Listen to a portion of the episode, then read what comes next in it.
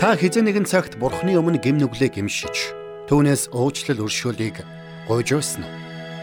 Бид Бурхны өмнө сайн гимшиж, уучлал өршөөлийг сайн гуйхгүй бол Бурхан биднийг уучлахгүй гэж зарим хүмүүс боддог. Тэгвэл ийм бодол нь итгэгч хүмүүсийн итгэлийн амьдралыг тогтворгүй болгох нэг том шалтгаан болдог гэдгийг хамтдаа нэвтрүүлгийн өнөөдрийн дугаараар доктор Стенли бидэнд өгүүлэх болно. Бидний гэм нүглийн уучлал нь зөвхөн Есүс Христийн загалмайн үхлээр дамжуулан бидэнд өгөгдсөн гэдгийг Библиэд тодорхой өгүүлсэн байдаг. Хэрвээ тийм бол бидний гэмшил Бурхны уучлалтай ямар холбоотой юм бэ гэсэн асуулт гарч ирнэ. Тэгвэл доктор Стенли бидэнд гэмшил ба уучлал хоорондоо ямар уялдаа холбоотой болохыг тайлбарлаж өгөх болно. Ингээд доктор Стенлиг өгтөн авцгаая.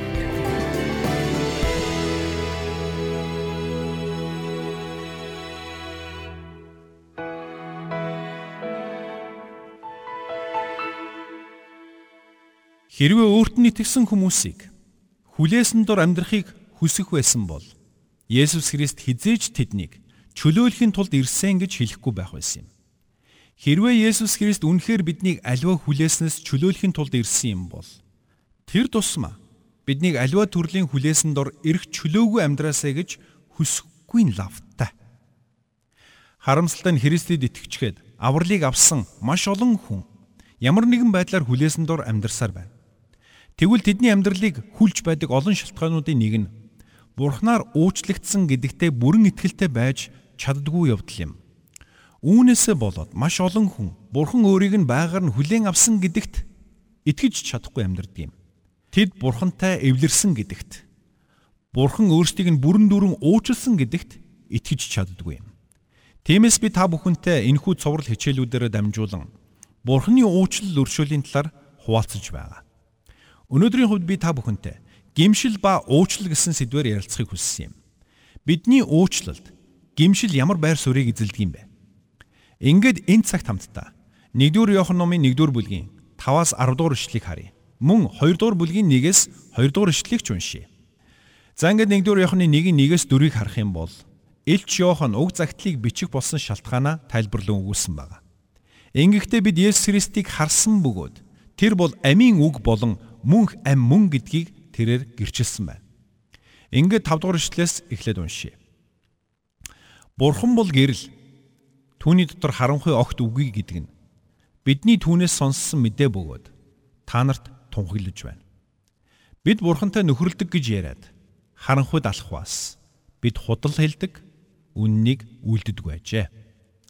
Харин тэр өөрө гэрлийн дотор байдагчлан бид гэрлийн дотор явбал бид бие биентэйгээ нөхөрлөж түүний хүү Есүсийн цус биднийг бүх нүглээс цэвэрлдэг ажээ. Бид нүгэлгүй гэж хэлбэл өөрсдийгөө мэхэлж байгаа бөгөөд бидний дотор үнэн алга. Бид нүглээ улайвал итгэмжт зөвхт тэрэр нүглийг маань уучилж бүхий л зөв бусаас биднийг цэвэрлэнэ. Бид нүгэл үлдээгүй гэж хэлбэл бид түүнийг худалч болгож байгаа хэрэг бөгөөд бидэнд түүний үг алга. За ингээд цааш 1-р Иохны 2-р бүлгийн 1-с 2-ыг харъя. Бяцхан хүүхдүүд минь ээ та нарыг нүгэл бүү үйлдээсээ химэн би эдгэрийг та нарт бичиж байна. Хин нэгэн нүгэл үлдвэл эцгийн өмнө бид өмгөөлөгчтэй байгаа. Тэр бол зөвхт Есүс Христ мөн. Тэр өөрөө бидний нүглийн төлөөх эвлэрүүлэл бөгөөд зөвхөн бидний нүглийн учир төдийгүй. Хамаг ертөнцийн нүглийн учир билээ гэсэн байгаа юм. За тэгэхээр бид бүгд Есүс Христэд итгэсэн тэр мөчөд Бурхны уучлал өршөөлийг хүлээн авсан. Гэхдээ эндээс хэрвээ бид Бурхны уучлал өршөөлийг аль хэдийн хүлээн авсан юм бол бидний гимшил гим нүглийн уучлалтай ямар холбоотой юм бэ гэсэн асуулт урган гарч ирж байна. Жухамда энэ л асуултын хариултыг би өнөөдөр та бүхэнд өгөхийг хүссэн юм. Гимших буюу улаах гэдэг нь ямар нэгэн зүйлтэй санал нийлнэ гэсэн үг. Хэрвээ та Бурхны өмнө гим нүглээ улааж байгаа бол гим нүглийн талаарх Бурхны үзэл бодол байр суурьтай санал нийлж байна гэсэн үг юм. Харин уучлал гэдэг үг нь төлбөрөөс чөлөөлөх, өрийг цайруулах гэсэн утгыг илэрхийлдэг юм. Бидний хувьд уучлал болон гимшил гэдэг үгийн утгыг сайтар ойлгох нь чухал юм. Христэд итгэгч бидний хувьд Бурхан эцэгтэйгээ эрүүл зөв харилцаатай байхад гимшил амин чухал юм. Бурхантай харилцах харилцаа гэж хэлэхдээ би энд Бурхны хүүхэд болсон мөнхийн баталгааны талаар огт яриаггүй гэдгийг та сайн ойлгоорой. Харин Бурхантай өдөр бүр дотн харилцсан амьдрах амьдрал буюу Бурхантай нөхөрлөх нөхөрлийн тухай ярьж байгаа гэдгийг та ойлгоорой. Энэ нөхөрлөлд бидний гимшил зайлшгүй байр суурийг эзэлдэг гэдгийг бид ойлгох хэрэгтэй. Эзэн Есүс Христэд итгэх итгэлийн улмаас бид гим нүглийн бүхий л буруутгалаас чөлөөлөгдсөн. Бид бүгд Есүс Христэд итгэх итгэлээр Бурханаас зөвхт байдлын бэлгийг хүлээж авсан гэдгийг Библи батлан хэлдэг юм. Тиймээс Есүс Христ бидний дотор нутаглаж бид Бурханы нэгүсэл дотор алхах болсон. Есүс Христэд итгэсэн тэр мөчөд Бурхан бидний гим нүглийг уучлсан. Хэр олон гим нүглийг маань уучлсан гэж та бодож байна вэ? Тэр бидний бүх гим нүглийг уучлсан. Бидний өнгөрсөн одоо ирээдүйн бүхий л гим нүгэл бүрэн уучлагдсан учраас Бурхны хүүхэд болсон биднийг яллах ямар ч буруутгал байхгүй болсон. Мэдээж бид Бурхны өмнө дуулуургүй байж түүний тушаалуудыг зөрчвөл гим нүглийн үр дагавартай бид өөрсдөө нүүр тулах ёстой болно. Гэхдээ Бурхан бидний гим нүглийн маань улмаас яллахгүй. Учир нь бид амьд Бурханы хүүхэд болж бүх гим нүглээ уучлуулсан юм. Тэгвэл 1-р Иохны 1:9 дээр Илч Иохан юу гэж хэлсэн байдаг вэ? Тань дахин сануулъя. Бид нүглээ улаавал итгэмжт зөвхт тэрээр нүглийг маань уучилж бүхий л зөв бус байдлаас биднийг цэвэрлэнэ гэсэн байна. Энэ бичигдсэн үгийг маш олон хүн буруугаар ойлгодог юм. Ингэхдээ хэрвээ бид нүглээ улаахгүй бол Бурхан биднийг уучлахгүй. Бид Бурханы өмнө гим нүглээ гимшиж байж Бурханы уур хилэн шийтгэлээс чөлөөлөгдөх болно гэж ойлгодог. Гэтэл энэ бол маш буруу ойлголт юм. Тэгвэл бид яагаад гимшиж улаах ёстой байдаг юм бэ? Христэд итгэвч бидний хувьд гимшиж гим нүглээ улаах нь ямар учир утгатай юм бэ? Хэрвээ Бурхан бидний гим нүглийг аль хэдийн бүгдийг нь уучлсан юм бол бид яагаад гим нүглээ улааж гимших ёстой юм бэ? Энэ бүх асуултуудад бид зүгээр хариулж чаддаг байх учиртай. Эс тэгвээс бид итгэлийн амьдралдаа эрх чөлөөтэй, амар тайван, сэтгэл хангалуун амьдарч чадахгүй төрөх болно. Тиймээс юуны түрүүнд хамтдаа Христэд итгэгч бидний хувьд гим нүглээ улааж гимших нь яг ямар учир утгатай болохыг олж харцгаая. Бид Бурхны эсрэг нүгэл үлдэх үедээ бид буруутгалыг мэдрэж зогсохгүй Сэтгэл санааны хувьд хүлээсэнд ордог. Айн түгшиж Бурхан миний талаар юу гэж бодож байгаа бол гисэн эргэлзээ тэнглэлзэл давтдаг. Гэтэл Бурхан биднийг Есүс Христийн дотор аль хэдийн уучлчихсан шүү дээ. Тэгвэл бид Бурханы өмнө яагаад гим нүглээ улааж гимшиж байх ёстой юм бэ? Бид гим нүглээ улааснараа Бурханы дотор биднийг уучлах сэтгэлийг төрүүлдэг юм бишээ. Эсвэргээр бид өөрсдийн нүглийг буруу гэдгийг хүлээн зөвшөөрж буруу үйлдэлийнхээ хариуцлагыг өөр дээрээ хүлээж авах үед буруутгал айдас, эргэлзээ, тэнэгэлзлийн хүлээснээс маань Бурхан биднийг чөлөөлж өгдөг юм. Харин уучлал өршөөлийн хувьд Бурхан биднийг Христийн дотор аль хэдийн уучлсан юм. Тиймээс ч биднийг гимших үед итгэмж зөвхт тэрээр биднийг альва зүү бус бүхнээс чөлөөлж өгдөг гэж хэлсэн юм. Тэгвэл Илч Йохан итгэмжт зөвхт тэрээр нүглийг маань уучлж гэж хэлэхдээ яг ямар утга санааг илэрхийлсэн юм бэ? Гим нүглийн шийтгэлээс биднийг чөлөөлөх тухай ярьж байна уу? Эсвэл гим нүглийн буруутгалаас чөлөөлөгдөх тухай ярьж байна уу? Би хувьдаа эдгээрийн аль нь ч биш гэж бодож байна. Харин бидний дотор бүр сэтгэлийн тавгүй байдал, буруутгал, эргэлзээ, тэнэгэлзэл, сэтгэлийн аливаа хүлээснээс биднийг чөлөөлөх тухай энд өгүүлсэн юм. Харин бидний гимшлээс болж бидэнд хандах бурхны хандлага өөрчлөгдөв. Бурхны хүүхэд болсон бидний бариллагч мөн өөрчлөгдөөг. Энэ бүхэн үргэлж хിവэрэ байсан. Хിവэрэ байх болно гэдгийг бид ойлгох хэрэгтэй.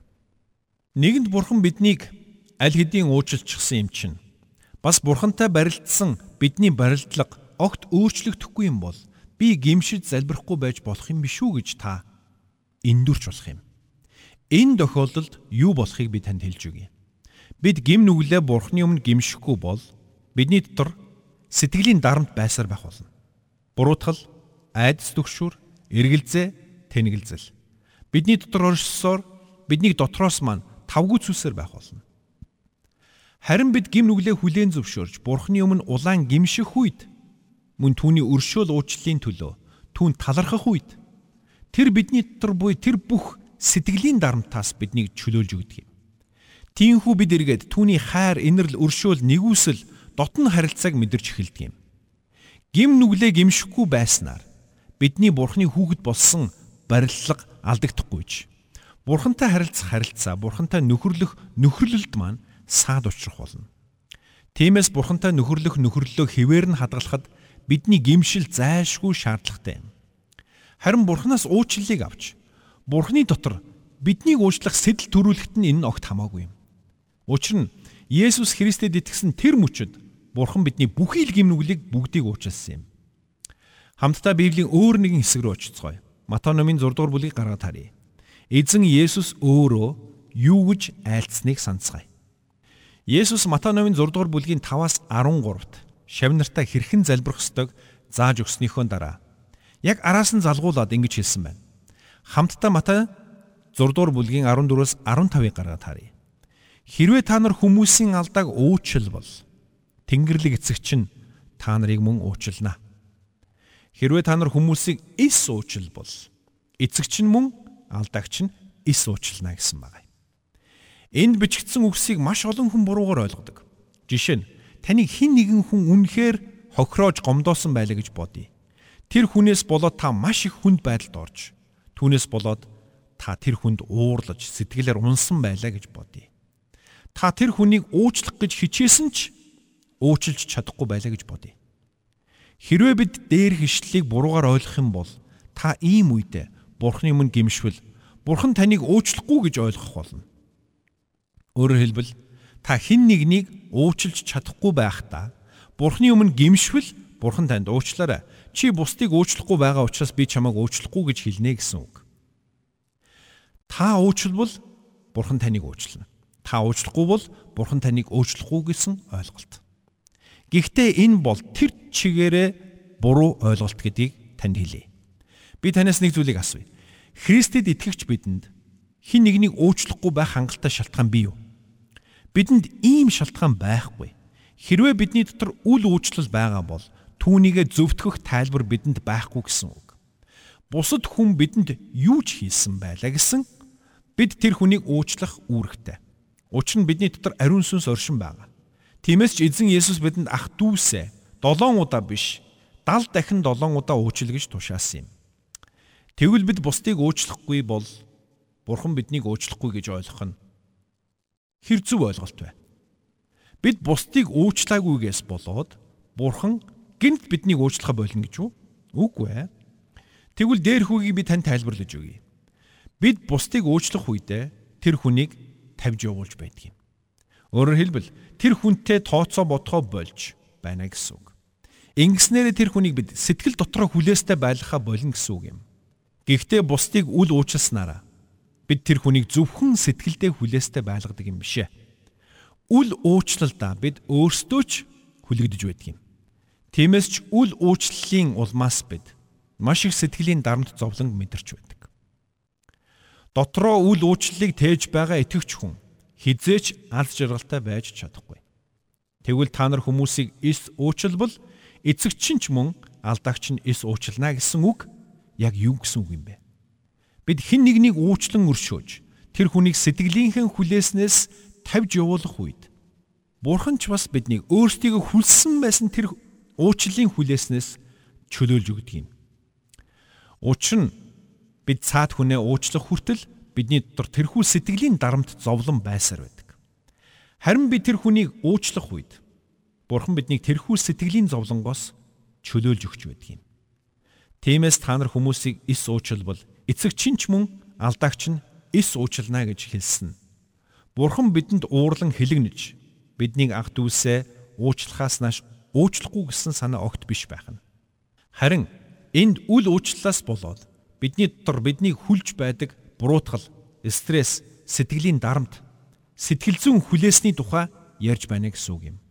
Товчхондоо бол хэрвээ бид ах дүүсээ уучлахаас татгалцсаар байх юм бол Бурхан бидний дотор тэр бүх сэтгэлийн дарамтыг байлгасаар байх болно гэсэн үг юм.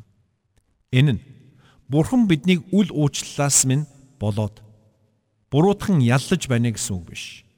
Бид бусдыг үл уучлах эсгээс үл шалтгаалаад Бурхан биднийг аль хэдийн уучлсан. Гэхдээ бусдыг үл уучлах үедээ бид өөрсдийнхөө зүрх сэтгэлд хүлээсийг бий болгож орхидог юм. Харин бид бусдыг уучлж Бурханы өмнө гимших үед Бурхан биднийг тэрхүү хүлээснээс маань чөлөөлж өгдөг юм. Ингээд хамтдаа Яаков номын 5 дугаар бүлгийг нэгэд харъя. 13-аас 16 дугаар эшлэлдэр ийм хөвгүүлсэн байна. Та нарын дунд хин нэг нь зовж байна уу? Тэр нь залбираг. Хин нэг нь хөвгөлтэй байна уу? Тэр нь магтандуулаг. Та нарын дунд хин нэг нь өвчтэй байна уу? Тэр нь чуулганы ахлагчдыг дуудаг.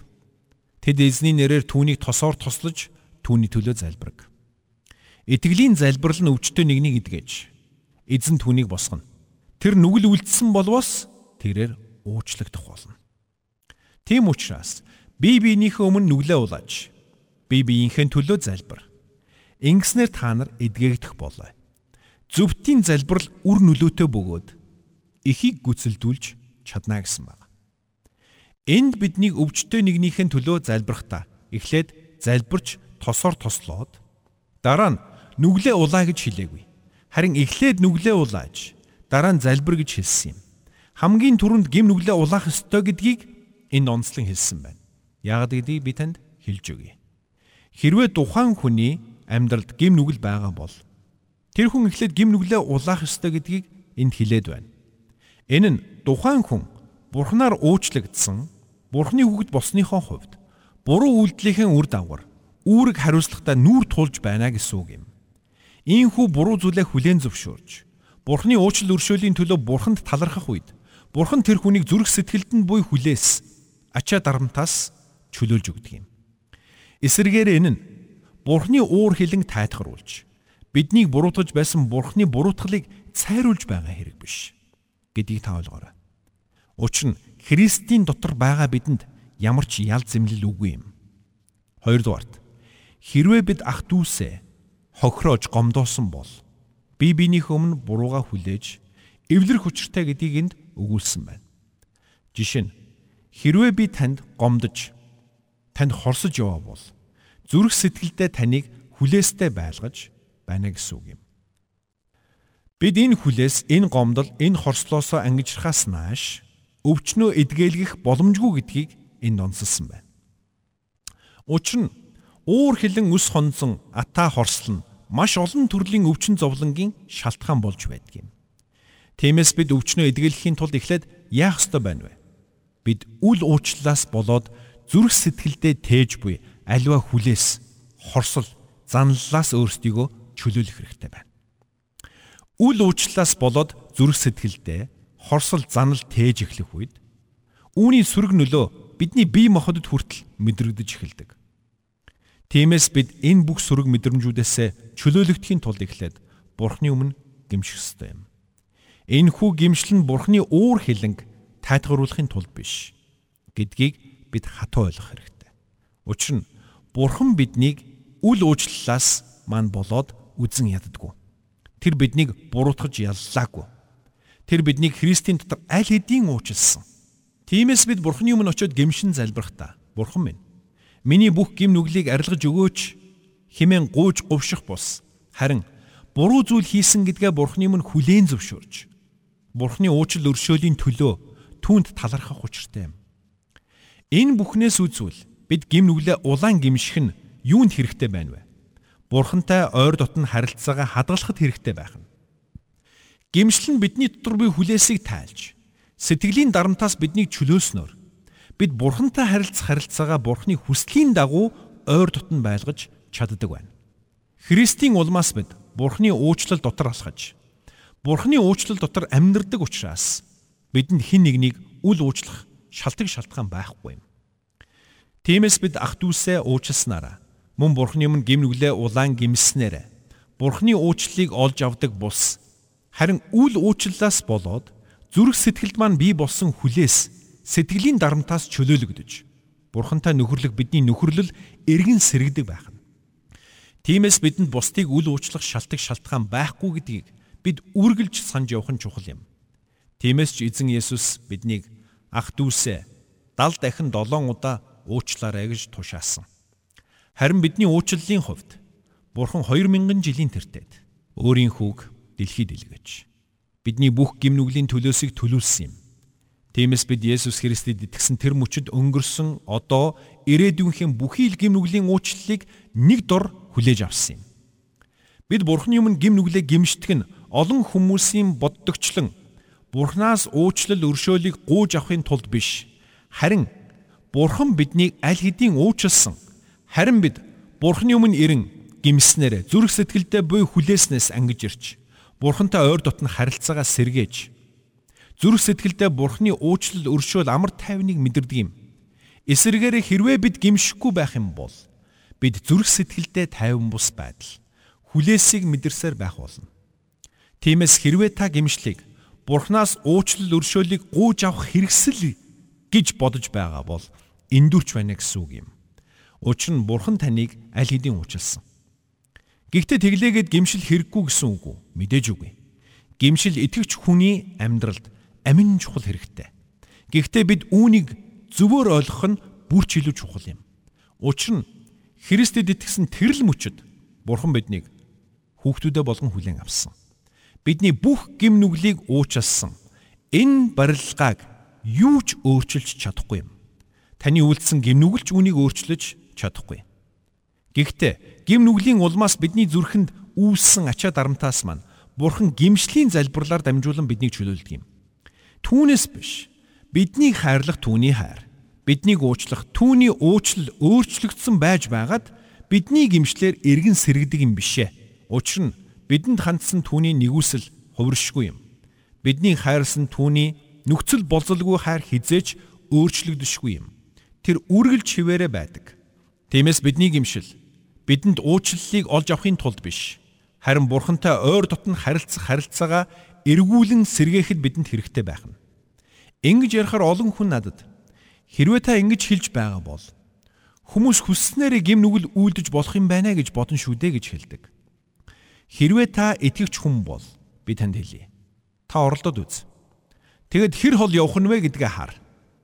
Юу гэвэл бид энэ дэлхий дээр ямар ч гим нүгэл үйлдэхээс үл шалтгаалаад Бурхан эцэг чинь таныг хайрлсан хിവэрэ байх болно.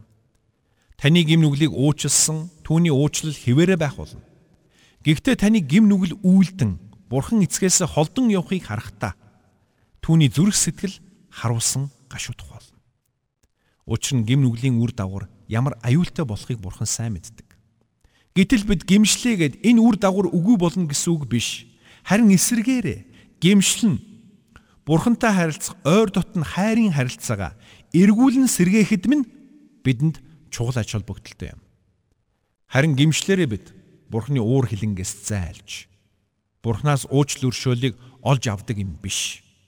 Учир нь Бурхны уучлал анханасаа байсаар байсан гэдгийг бид ойлгох хэрэгтэй. Тиймээс би нэг зүйлийг хэлмээр байна. Би гим нүглээ гимшлээ гэд Бурхан таныг урдийнхаасаа илүү хайрлахгүй. Танд урдийнхаасаа илүү хандахгүй. Учир нь Бурхны хайр хувиршгүй. Эсвэргээр гимшлэн биднийг аль хэдийн хүлээн авсан байсан тэр уучлалтай холбогдож зүрх сэтгэл дэх ачаа дарамтнаасаа ангиж ирж амар тайвныг хүлээн авч Бурхантай эргээд ойр дотн харилцаагаа сэргээхэд тустай юм. Тиймээс та маргааш өглөөс эрэхтэйч Бурханаас уучлал өршөөлийг авсан Бурхны хүүхэд хിവэрэ байх болно гэдгээ санаарай. Тэгэд хэрвээ та гим нүгэл үлдэх юм бол яах ёстой вэ? Гим нүглийг чинь танд анхааруулж өгсөн Бурхан талархаж. Гим нүглээ гимшээд. Мөн Есүс Христийн цусаар гим нүглийг чинь уучлсан түүнд талархлыг өргөөрэй. Гим нүглээ гимшхийн өөр нэгэн чухал шалтгаан бол. Гим нүглээ гимснээр бид бурхны нэгүслэр амьдарч байгаагаа үргэлж хүлээн зөвшөөрч байна гэсэн үг юм. Ингэснээрээ бид бурхны уучлалын төлөө бурханд талархал өргөж өөрийнхөө буруу үйлдэлийн үүрэг хариуцлагыг өөрөө хүлээж бурхнаас чөлөөлтийг хүлээж авдаг юм. Энэ утгаараа гимшил бол бидний зүрхэнд минь байгаа ачаа дарамтаас чөлөөлөх чөлөөлтийн үйл явц юм. Учир нь Бурхан биднийг эрх чөлөөтэй хүний ёсоор амьдраасай гэж хүсдэг юм. Ингэхдээ эргэлзээ тэнэгэлзлийн манан дунд биш харин агуу Бурханы нэгүсэл дунд амьдраасай хэмээн хүсдэг юм. Бурхан биднийг бүрэн дүүрэн уучлсан гэдгийг доктор Стенли бидэнд чухалчлан сануулж байна.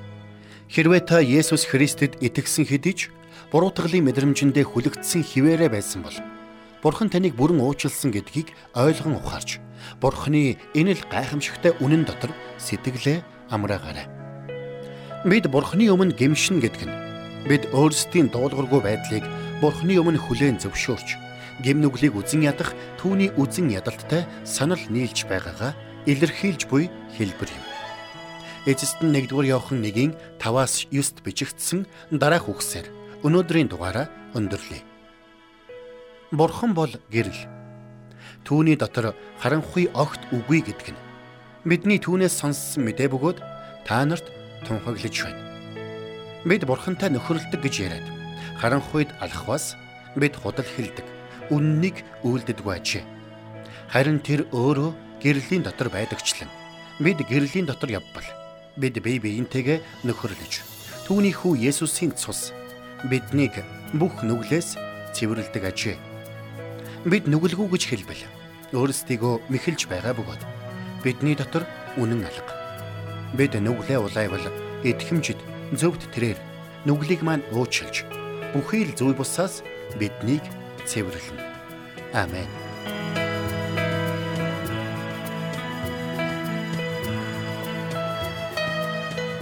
Бурханд тэмүүлсэн сэтгэл хүмүүсийг энэрх зөрхөөр амьдрахад туслах номлогч доктор Чарлз Стенлигийн хамттай нэвтрүүлэг сонсогч танд хүрлээ. Нэвтрүүлгийг дахин сонсох хүсвэл ихтгэл радиоцик.com-оор зочлоорой. Бидэнтэй холбогдохын хүсвэл 8085 99 тэгтэг дугаард хандаарай.